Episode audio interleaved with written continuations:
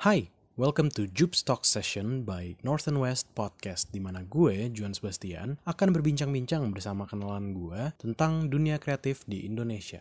Sesi ini akan menjadi sebuah sarana untuk bertukar sudut pandang antara orang awam dengan praktisi kreatif ataupun bahkan antar sesama praktisi kreatif. Semoga kalian yang mendengarkan bisa mendapatkan satu atau dua hal yang bisa dipelajari dari sesi ini. Enjoy!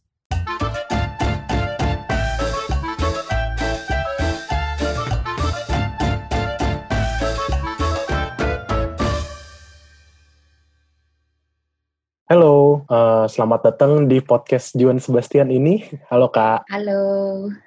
Udah lama nggak ketemu. Iya, setahun ya terakhir. Iya, iya hmm. gila setahun. Jadi Kanana ini senior gue dulu di tempat magang. Gue belajar banyak banget dari Kanana pokoknya. Nah, di kesempatan kali ini nih, gue pengen ngobrol-ngobrol nih sama Kanana soal creative industry or creative worlds gitu. Jadi boleh Kak kenalan dulu Oke, halo semuanya yang dengerin podcastnya Juan. Uh, aku Nana dari uh, Maleo, itu Group of a Vlog Creative Network. Uh, biasa sih hari-harinya tuh ngerjain uh, strategi sih, karena di sini uh, aku itu sebagai digital strategist di Maleo, gitu. Jadi nih, udah berapa lama sih kak sebenarnya? Uh, udah berapa lama ya di Maleo? udah berapa lama sih sebenarnya? Udah udah tiga tahun. Jadi uh, Malio hmm. ini bukan first uh, agency. Agency itu kan uh, advertising atau biasa sih disebut creative agency lah gitu. Nah, hmm. uh, apa kalau di dunia uh, apa advertisingnya tuh udah uh, lebih dari lima tahun lah gitu. Jadi uh, sebenarnya hmm. belum bosen-bosen banget sih. Tapi di Malio sendiri tuh uh, kayaknya baru melewati umur ketiga gitu. Tapi hmm. awal-awal hmm. bukan uh, strategis, jadi masuknya tuh sebagai account. Account tuh mungkin oh, lebih okay. ke uh, marketing gitu kali ya. Kalau misalnya yang di uh, tempat lain gitu, sekarang itu baru uh, mungkin ini udah tahun kedua uh, jadi digital strategist di Maleo gitu. Hmm, lumayan lama ya, lima, lima tahun gitu di Lama. Kalau hmm. agency itu lima tahun tuh enggak lima tahun anggaplah di Maleo doang. Biasa sih kalau orang udah dua tahun tuh udah mulai apa ya dua tahun tuh umur umur yang udah cukup tua kalau untuk orang di di di agency gitu ya tapi untuk anak-anak hmm. muda ya biasa sih kalau memang orang yang lebih senior tuh memang bisa sampai lima gitu bahkan ada yang hmm. belasan tahun gitu nah tapi kalau untuk anak-anak muda yang memang masih nyari uh, karena kan anak-anak muda itu prinsipnya kan pengen masih pengen belajar masih pengen nyari uh, apa sih yang yang dia mau apa sih yang yang bisa gue kerjain biar lebih lebih membangun diri sendiri gitu. Nah makanya pasti dua tahun tuh is is long enough lah gitu untuk untuk hmm. agency gitu. Berarti awal-awal ini apa nggak langsung nyebur di digital strategist gitu ya kayak? Enggak, enggak. Jadi tuh kalau digital strategist kenapa akhirnya bisa pindah ke digital strategist karena hmm awal-awal itu magang juga. Jadi aku uh, apa sama lah gitu sama kamu dulu Ju gitu.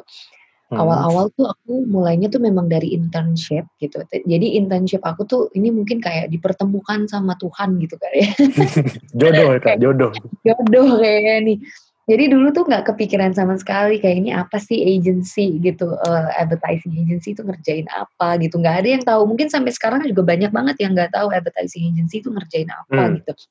Nah awal-awal tuh jadi kayak aduh apa ya pengen magang tapi cerewet gitu. Nggak mau yang ini nggak mau yang ini nggak mau yang akhirnya deadline semakin mendekat gitu. Jadi kayak oke okay, gimana ya ini ya gitu. Dan kebetulan salah satu tawarannya itu ada di salah satu uh, multinational uh, agency gitu advertising hmm.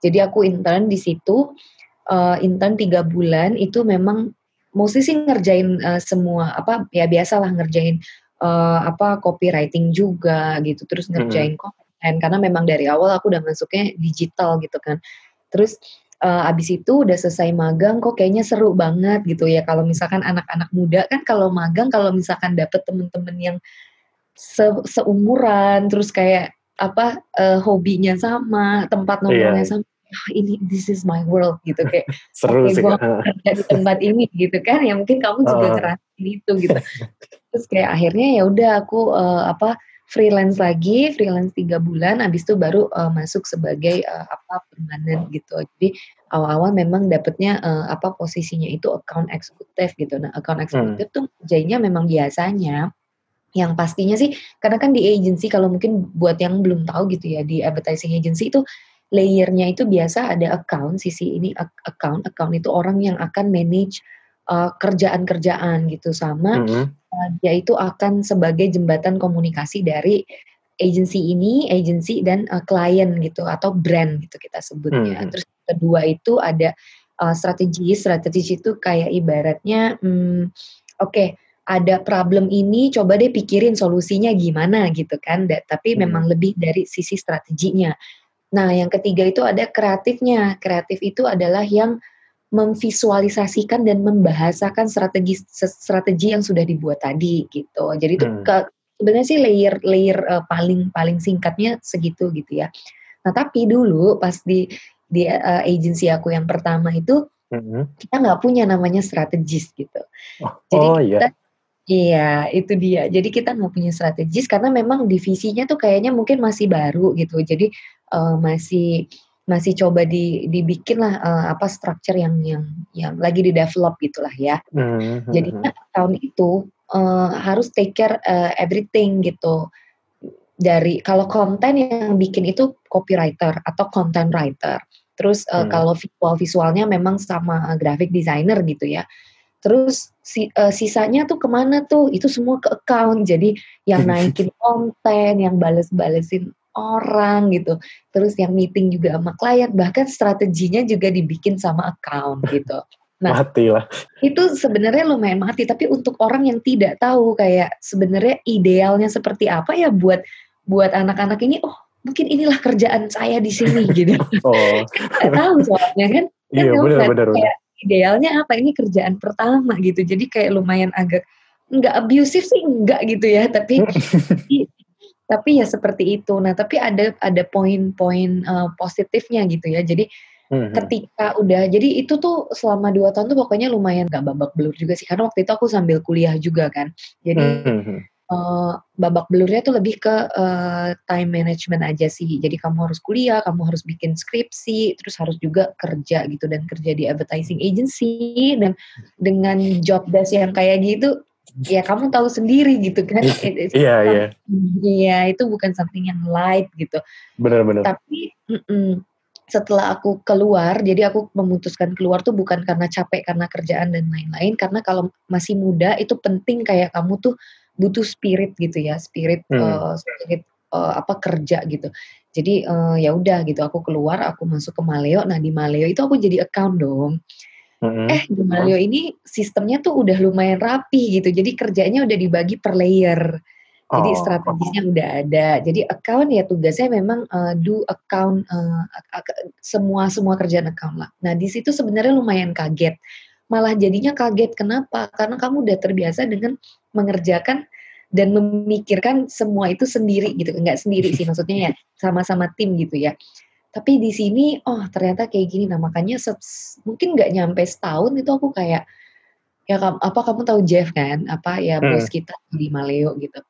Aku bilang ke dia kayaknya nggak kayak gini deh. Kayak justru aku jadi ngerasanya kok di sini jadi jadi kerjaan yang aku kerjain tuh agak downgrade ya gitu loh. Kayak hmm. kayak uh, sebelum aku peng, masih pengen ngerjain hal-hal yang berbau dengan strategis gitu. Jadi hmm. hmm. solving uh, issue, marketing issue atau uh, atau nyari uh, ini anak-anak sekarang tuh lagi sukanya apa gitu. Nah itu account mungkin mencari gitu, tapi memang beratnya lebih di strategis gitu. Hmm. Nah makanya bilang ke Jeff kayaknya aku pengen pindah ke strategis gitu. Terus uh, dan di di Maleo kan juga ya is very flexible gitu kan. Jadi kayak oke okay, if you uh, apa uh, mau gitu dan dan uh, bisa ya udah gitu dan uh, I move to strategist part gitu hmm. dan sampai sekarang. Quite the journey ya kak ya sebenarnya. Iya. nah, nah, tapi ini aku sih penasaran gimana kakak kayak sambil kuliah ngerjain kayak gitu yang workloadnya pun kayak I've experienced it first hand gitu loh kayak wah yeah. how you juggle how you juggle with that lifestyle gitu loh kayak Oke. Ya kan nggak mungkin kan eh, apa masih muda kan ya kerja oke, tapi kan bukan eh, kerja kerja kerja gitu. Tapi kan pasti kan Oh, social life gitu-gitu kan. How, how you juggle with that gitu? Nah, eh, sebenarnya kayak awal-awal itu eh, yang tadi kayak aku bilang kayak kenapa akhirnya menurut aku kerja di eh, dunia kreatif itu jadinya tuh nggak kayak kerja gitu. Karena Hmm. satu teman-teman gitu kan, teman-teman sama apa yang kamu kerjakan itu sebenarnya laki laki aja sih. Aku tuh dulu dapat brand yang eh, brandnya tuh yang targetingnya juga anak muda gitu. Jadi kayak Hmm. ketika kamu kerjain sesuatu tuh sebenarnya kamu juga pen- lebih penasaran sendiri gitu loh kayak oh ini ini ternyata eh, apa anak-anak sekarang kayak gini ya nyari-nyari tren gitu yang which sebenarnya kamu tiap hari buka Instagram juga nyari-nyari tren baru Iya, gitu kan bener-bener. Heeh. Saya juga kayak gitu terus teman-temannya juga rata-rata umurnya sama gitu terus gap eh, ke apa senior levelnya juga nggak jauh gitu. Jadi kamu nggak ngerasa kayak ini tuh kerja gitu. Tapi memang dulu itu kan aku eh, udah intern terus eh, lagi skripsi aku udah kerja di di eh, perusahaan itu di agensi itu plus aku Hmm. tuh lagi ngambil eh, S2 juga. Jadi itu lumayan awal-awal kayak ah biasa lah ya anak muda yang ambisius gitu kayak ah bisa lah kayak gini mah gitu. Terus ya udah jadi pagi aku eh, kerja gitu sampai jam 6 itu aku kuliah S2 Eh, jadi Hmm. kuliahnya tuh malam. Habis itu pulang jam 9 balik lagi ke kantor. Kalau ada yang dikerjakan kalau tidak ada aku bikin skripsi jadi Oh. kayak skripsi sampai jam 1 habis itu tidur besok pagi begitu lagi begitu lagi begitu lagi begitu lagi gitu nah sampailah di titik di mana aku sidang skripsi sidang skripsi dan sebe- seminggu sebelum sidang tuh aku kayak aduh kok ini usah jadi jadi jadi lumayan ngejar deadline banget ya karena waktu itu Hmm. brand aku lagi campaign juga lagi bikin campaign gitu mati lah.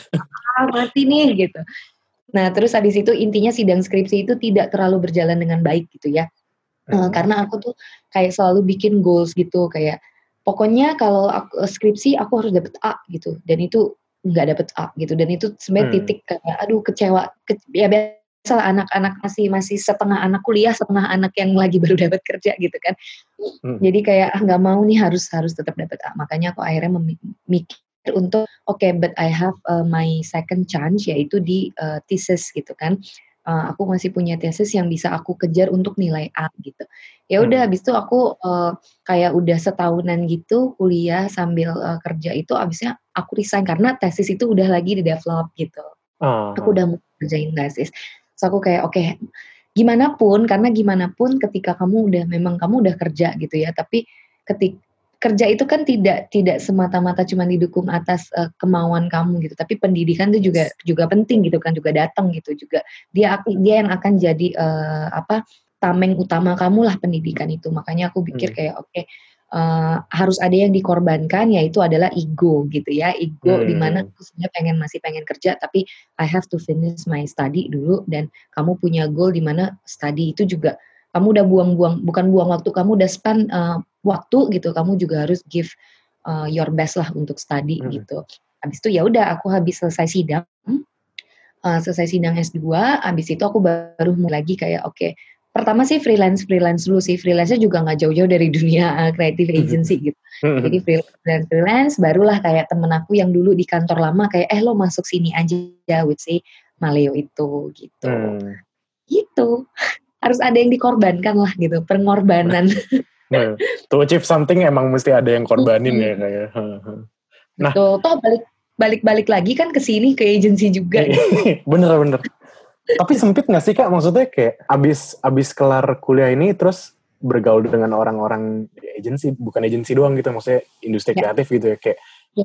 orangnya itu itu aja gak sih kayak Kayak- oh lu kenal ini, oh lu kenal ini gitu ya? Eh, eh, itu sebenarnya ada dua hal yang aku lihat gitu. Pertama memang betul. Jadi ketika kamu udah masuk agency, terus agency itu di Indonesia itu sekarang kalau kamu misalnya mau mau top top 10 itu pasti itu itu aja gitu loh.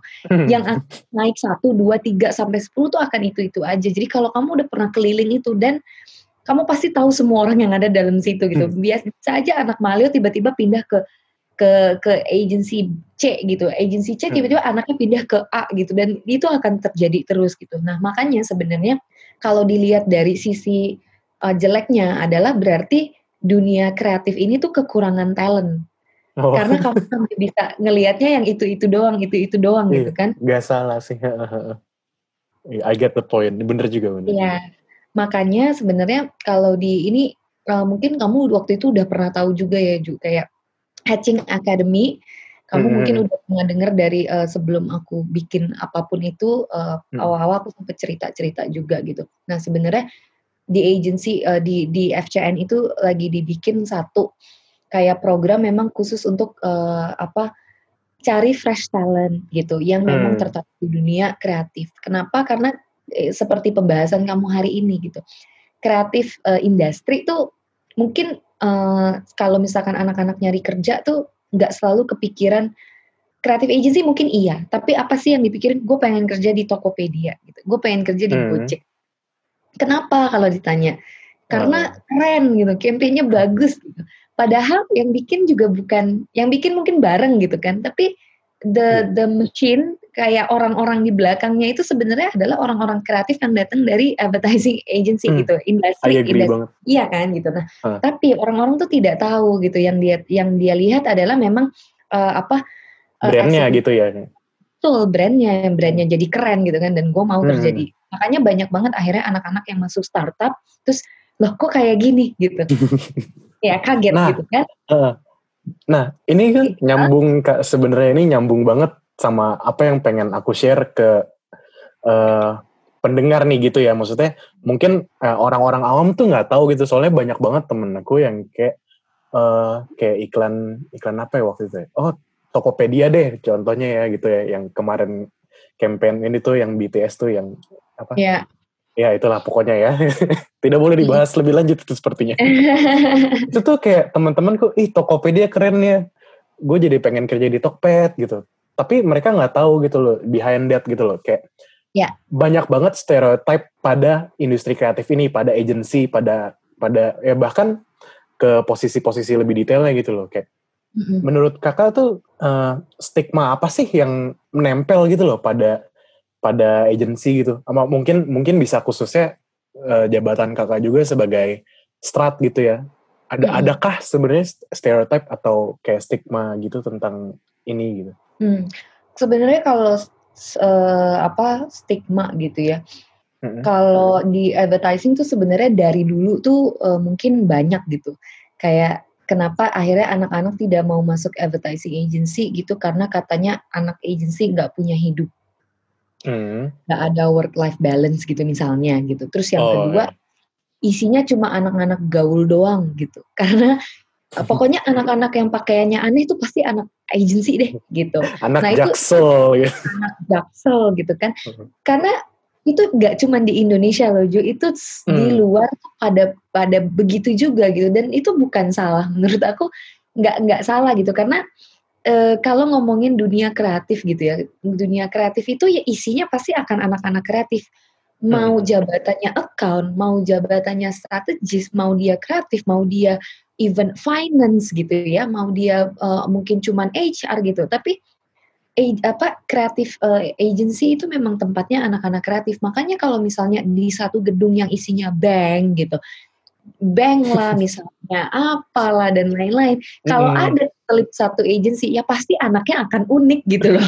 Mampus aneh sendiri, bener kan bener kan? Aneh sendiri gitu ya karena memang anak-anak kreatif itu tempat mereka, rumah mereka ya ada di situ gitu. Dan hmm. kalau misalnya ngomongin strategis gitu, strategis itu sering kali orang bilang kayak uh, apa? Ini ini mungkin kalau udah di udah udah udah misalnya kebiasaan ngelihat materi apa kreatif gitu ya. Ini hmm. emang strategis itu ngapain sih gitu? Bukannya yang bikin ini juga juga apa produser director gitu yang bikin TVC gitu bukannya hmm. copywriter ya gitu nah memang sebelah mata banget kalau orang ngelihat strategis gitu ya kalau memang bukan tidak datang dari maksudnya marketing base gitu memang hmm. strategi itu bukan kayak apalagi anak kreatif gitu kayak duh strategi itu cuma nyari-nyari insight gue juga bisa gitu loh. Padahal nggak tahu aja. Tapi itu bukan poinnya apa seorang strategis gitu. Seorang strategis yeah, yeah. bukan mencari insight untuk kreatif gitu. Hmm. itu apa tugasnya tuh lebih lebih memang memang apa uh, yang selalu dijual sama industri kreatif itu pasti adalah kreatif output gitu. Tapi apa uh, pilar-pilar di belakangnya itu kan sebenarnya membantu. Even account account itu Kalau Yes. orang sering bilang kayak, "Ah, account mah cuman mulut manis aja sama ketawa karir," gitu. Mhm. Tapi padahal nggak kayak gitu, gitu kan. Kalau memang, eee, account-nya memang account strategis dan kreatif timnya memang solid, ya mereka harus kerja kerja bareng gitu. Kayak ketika kreatif bikin cerita, nanti stratnya juga akan bilang kayak, apakah ini cerita yang satu bisa solve, eee, apa, brands, eee, issue, apakah Mhm. bisa solve, eee, marketing problems-nya gitu. Itu nulis copy, eee, kreatif gitu ya, itu nggak sesimpel itu, kamu pernah gitu kan ya. Kayak mesti ngejawab brief lah ya, Kak, gitu. Betul, satu menjawab brief dan menjawab brief itu tugas siapa yang ngejagain ya? Account gitu. Account-nya juga akan kayak, "No, klien tidak minta seperti ini, brand tidak mau seperti ini, gini-gini." Dan strategis yang akan kasih logic-nya gitu dan kreatif yang akan turn the logic, eee, jadi something yang magical gitu kan, yang which is Hmm. the creative gitu. Gitu sih. Hmm. Banyak kok yang pasti yang nggak nggak ngerti gitu kayak malah kalau misalnya sempet orang nanya gitu, "Nak, eee, lu kerja di mana sih?" Gitu. Terus aku bilang, "Agency." "Agency apa?" "Agency model." Gitu. Kayak, oke agency kan mo karena nama agency itu kan kayak agent gitu kan, kayak Iya, bener bener. agent. Makanya kita sering sering bilangnya creative agency. Jadi creative agency mungkin orang udah tahu itu advertising, tapi memang, eee, yang aku rasain tuh kalau anak-anak muda gitu ya, anak-anak yang, eee, lagi kuliah gitu ataupun baru lulus kuliah tuh pasti tidak akan mencari advertising atau creative, eee, agency untuk jadi tempat kerja mereka. Karena mereka tidak tahu apa yang dikerjakan di dalam situ gitu. Bener bener.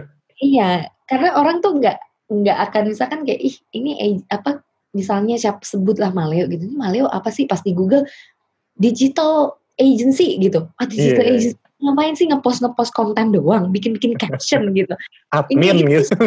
admin, sering banget juga aku ditanyain kayak gitu dulu gitu kan. Maka aku bilang, "Enggak, itu tuh, eee, apa, jauh dari ya kamu udah pernah di dalam situ, kamu tahu it's it's apa, beyond, eee, cuman ngepost konten dan dan Mhm. bikin caption dan ngadmin gitu, itu cuman 10% of it gitu. Bukannya itu nggak Yes. penting ya, justru itu penting menurut aku kayak apa, karena itulah yang hasil yang kita keluarkan untuk orang-orang lihat gitu kan. Mhm mhm. Jadi kayak ya banyak sih yang nggak tahu dan sayang banget pada ketika kamu udah masuk ke creative, eee, industry gitu, creative industry itu banyak gitu ya, eee, bukan cuman agency doang, tapi ya banyaklah, eee, creator gitu, konten, eee, konten pusing gitu dan lain-lain gitu. Bahkan musik lah, musik ju musik itu juga ada agensinya gitu, music, agency itu juga ada gitu. Film dan lain-lain. Nah, itu semua tuh gimana pun akan akan akan apa ya, akan bertemu nanti, eee, sa kapan pun gitu. Kayak misalkan industri film gitu, industri film itu nggak akan jauh-jauh juga dari, eee, creative agency gitu. Kita pernah ngerjain satu, eee, campaign untuk, eee, film juga gitu. Terus musik Mhm. gitu, musik juga nggak akan jauh-jauh dari creative agency. Kenapa? Karena brands kayak, eee, Spotify, Apple Music, Joox gitu, itu semua tuh ada agensinya gitu loh, yang yang akan ngurusin kalian-kalian, eee, apa, yang yang bergerak di apa, industri musik gitu kan. Mhm. Ya makanya itu kreatif industri itu makanya aku bilang sangat-sangat menarik dan aku tidak tidak kepikiran juga untuk keluar dari, eee, industri ini karena, Hmm. eee, dari pertama aku masuk tuh aku udah tahu kayak, eee, apa, aku udah udah jatuh cinta gitu ya, Oh. kayak jat sama sama industri ini karena Mhm. kamu nggak cuman belajar satu hal, kamu ket ketemu dengan banyak orang, kamu ketemu bukan cuman orang-orang kreatif doang, kadang kamu juga bertemu dengan orang-orang marketing, orang-orang strategis yang yang yang sebenarnya ngajarin kamu juga banyak hal. Makanya kalau anak-anak sekarang nih, kamu perhatiin aja gitu. Kalau kamu buka cari cari job deh gitu ya, Kak, eee, buat Hmm. kalian yang lagi nyari-nyari kerja gitu. Cari kerja misalnya, eee, campaign marketing di, eee, Tokopedia gitu. Kamu baca satu requirement-nya, pasti dia bilang kalau kamu udah bekas anak agency, kamu punya poin plus di situ. Sebenarnya ka kamu bisa lihat itu kayak banyak banget dan kebetulan brand-brand yang memang geraknya tuh udah startup-startup yang yang, eee, Gojek lah, mungkin Grab, eee, Tokopedia, Shopee, semua tuh rata-rata udah udah udah pakai requirement itu gitu. Kenapa? Karena kamu, eee, apa, ngerasain lah anak agency itu kerjanya itu kita tuh di sini nggak bilang kita itu spesialis gitu. Kayak misalnya apakah, eee, seorang digital strategist itu cuman ngerjain hal digital? Enggak, kamu harus tahu semua every part of strategy gitu.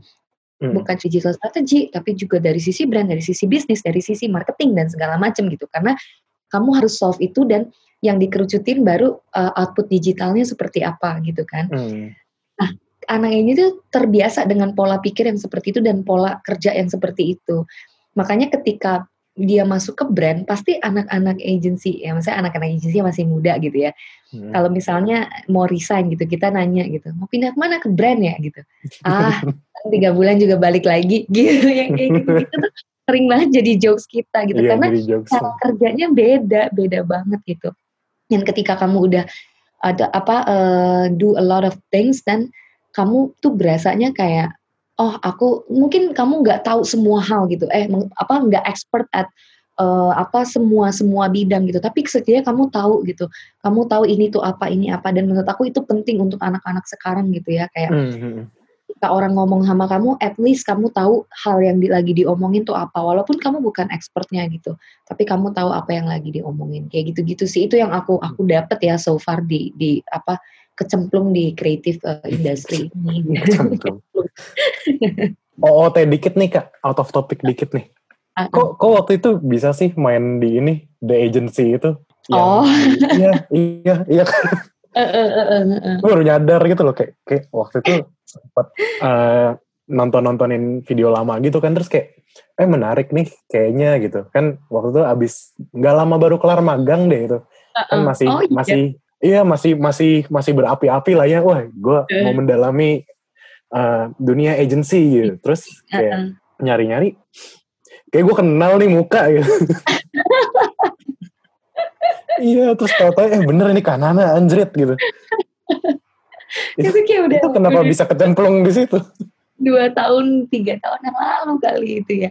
Jadi oh dulu itu pas yang aku masih di kantor lama itu kan uh, salah satu brand aku tuh collab gitu kan. Jadi karena kita digital pasti banyak banget collaboration sama influencer gitu. Hmm. influencer mau dari dia Instagram Twitter ataupun YouTube gitu kan. Nah kebetulan waktu itu kita syuting syuting bareng sama yang bikin uh, apa di agency itu. Iya. jadi kalau misalnya apa ini salah satu yang aku lihat gitu jangan kalian pikir kayak influencer dan youtuber itu semua pada sombong-sombong. Enggak gitu. Justru mereka tuh sangat uh, tahu gitu kalau misalnya anak-anak agency walaupun anak-anak masih muda tuh kita adalah partner gitu. Nah makanya berangkat hmm. dari bikin video itu kita tuh jadi jadi lumayan apa sering ngobrol gitu. Terus habis itu ada beberapa campaign juga pakai lagi mereka lagi mereka hmm. lagi. Akhirnya jadi jadi jadi kenal gitu. Nah habis jadi kenal kayak apa ayo bikin bikin apa gitu yang lucu-lucuan gitu maksudnya jadi di temen lah gitu habis hmm. itu intinya mereka pengen coba uh, tujuan dari the agency itu sebenarnya adalah mau kasih tahu orang-orang atau anak-anak yang mau bikin uh, apa mau kerja di di dunia kre, kayak content creating gitulah ya content hmm. creator youtuber atau influencer gitu tapi mereka tuh mau ngasih tahu susah dan senangnya kerja seperti itu. Makanya hmm. yang paling dekat siapa? Ya lagi-lagi advertising agency gitu karena mereka akan mengatur semuanya. Makanya bikinlah hmm. video itu dan mereka perlu insight-insight uh, anak-anak agency gitu kan. Makanya dia bilang ya bareng aja sama uh, itu ada dua orang jadi sat, salah satu yang di situ uh, kreatifnya itu juga dulu kreatif aku di kantor lama. Jadi kita hmm. Nah, ini baru terjawab setelah selama ini sebenarnya gue penasaran juga, Kak. Kok bisa di situ gitu. ya udah, ini kan iya. meetingnya udah mau habis juga nih. Mau nanya aja sih, do, do you wanna try other prof professions gitu kayak posisi lain mungkin kah atau apa gitu? Pasti uh, karena dari kecil uh, apa I always wanna be a teacher gitu karena hmm. dan itu selalu lah jadi goal aku gitu untuk mengajar dan berbagi ilmu gitu ya. Karena mm -hmm. aku tahu kayak manusia itu ini ini agak filosofis tiba-tiba ya. Kayak manusia itu ketika uh, ketika kamu udah mati gitu mati kasar banget. Kayak meninggal gitu meninggal. Bukan nama bukan nama yang yang nama itu tuh one thing gitu. Tapi yang harus harus aku tuh mau kayak ketika nanti ini terlalu mulia tapi uh, ya anyway ini cita-cita gitu yang akan orang ingat adalah oh gue bisa begini karena dia. Gue bisa begini karena dia. Bukan karena kayak oh dia tuh some, someone yang pernah begini-begini. Enggak gitu. Jadi inspire uh, people lah gitu ya karena nggak ada hmm. rugi. Oh gitu. Tapi memang sebelum aku menuju ke sana sebelum menjadi seorang apa pengajar yang yang yang yang bisa lah ngasih ngasih uh, ilmu yang memang bisa berguna aku butuh experience nya aku butuh juga knowledge nya gitu. Jadi makanya hmm. menurut aku ini tuh adalah perjalanan gitu. Aku mencari banyak banget uh, banyak ilmu, banyak pengetahuan yang akhirnya nanti one day ketika aku, aku tahu oh ini saatnya aku udah harus uh, berbagi gitu, share something uh, ke orang-orang dan aku mungkin baru akan baru akan step out dari dari dunia ini. Dunia hmm. ini dunia tiba-tiba udah mati duluan ya gitu sih gitu. Sebenarnya itu salah satu yang lagi aku bikin juga di Maleo ini si hmm. Hatching Academy Hatching itu. Academy. Jadi uh, kita lagi bikin akademi untuk tetap tetap uh, ranahnya pasti akan kreatif uh, industri gitu. Hmm. Jadi bukan guru matematika atau apa tapi pasti akan akan ujung-ujungnya ke kreatif industri juga gitu. Jadi dosen kak? iya, ya aku sempet ngomong kan ke kamu waktu ya, iya, cuman iya experience lah experience, Bener. knowledge. Sama, Ketika sama. aku udah bikin sesuatu makanya kayak then I'll I'll try gitu. Alright, alright. Untuk penutup nih, boleh nggak kak kasih nih pesan gitu mungkin atau word of experience buat orang yang mungkin awam gitu loh dengan dunia kreatif itu loh. Soalnya kan masih banyak orang awam yang nggak tahu desain tuh gimana sih, kreatif itu gimana sih gitu. Maksudnya masih awam banget dengan dunia kreatif itu. Iya, uh, sebenarnya dunia dunia kreatif maksudnya aku juga tidak tidak bilang kalau aku tuh sangat kreatif dan lain-lain gitu ya. Tapi dunia kreatif tuh sebenarnya salah satu menurut aku uh, dunia imajinasi semua orang gitulah ya. Hmm. Uh, mungkin buat orang-orang yang memang udah tahu gitu. Jadi setengah kakinya tuh udah pengen ke industri kreatif tapi masih ragu gitu kayak masih uh, apa kayak uh, bukan ragu tapi enggak enggak buta lah gitu ini ini hmm. jalan gua ada nggak ya di sini emang dunia kreatif bisa kasih gua apa sih dan lain-lain dan menurut aku itu justru harusnya diubah. Karena kenapa? Dunia kreatif itu tidak akan pernah mati. Karena hmm. kapan pun uh, di mana pun kamu mau bukan cuma di Indonesia doang kalau kamu memang goalnya mau keluar negeri dan kerja di luar gitu creativity itu tidak akan pernah mati. Dan itu bukan melekat pada satu badan atau satu organisasi gitu ya. Tapi itu ada di dalam kamu doang gitu. Kalau hmm. kamu udah punya itu kalau kamu udah punya kayak uh, ini adalah gue gitu, jati diri gitu. Kreatif hmm. itu jati diri. Yang dicari udah bukan kamu lulusan mana dan lain-lain, tapi oh orang ini tuh yang pernah bikin seperti ini. Jadi kreativitas hmm. itu menurut aku tuh apa uh, aset kamu gitu, aset-aset yang bisa bawa kamu nanti untuk uh, berkembang di industri kreatif dan jangan salah industri kreatif itu kesempatannya banyak banget gitu dan yang, yang tadi aku udah cerita juga kayak talent itu tuh makin lama tuh makin kecil karena orang sudah mulai tidak mau masuk ke industri kreatif gitu. Hmm. Tapi sebenarnya itu ada opportunity-nya juga gitu loh. Kalau if you are good gitu dan kalau kamu memang belajar gitu ya karena good itu tuh uh, kadang subjektif gitu menurut aku. Kreatif itu tidak ada yang bagus tidak ada yang jelek tapi itu semua based on taste gitu. Yang dibutuhkan ya di mana kapan kamu dibutuhkan dan gimana cara kamu bisa beradaptasi sama itu gitu. Dan menurut aku hmm. opportunity-nya itu gila banget gitu. Maksudnya aku juga bukan orang yang tadinya kepikiran untuk masuk ke creative industry tapi setelah aku masuk tuh kayak aku discover a lot of apa new uh, things lah gitu ya kayak oh bisa begini bisa begini bisa begini bisa begini. Dan hmm. itu banyak banget kalau mau di Google tuh kayak industri kreatif tuh apa sebenarnya industri kreatif tuh banyak banget bukan cuma ngomongin soal campaign dan itu itu kan cuma dari marketing gitu ya. Hmm. tapi banyak banget musik film.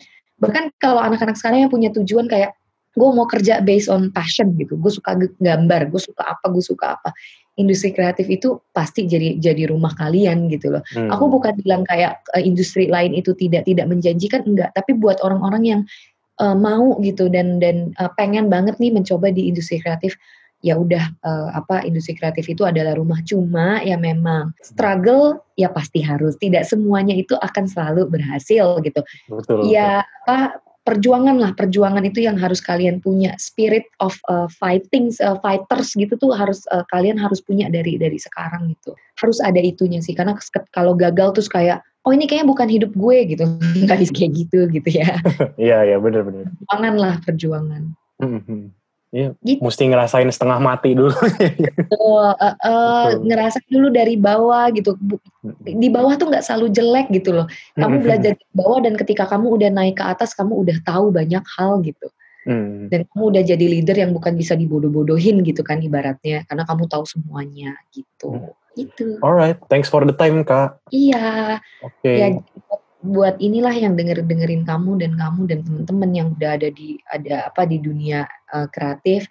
Mm-hmm. silahkan kalau ingin apa datang dan mungkin uh, cari tahu atau mungkin ber apa mencari experience gitu. Dunia kreatif itu ya pasti pasti inilah pasti menyenangkan.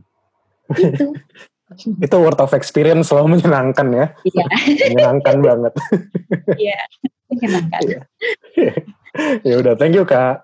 Iya thank you sampai jumpa di lain waktu. Iya dadah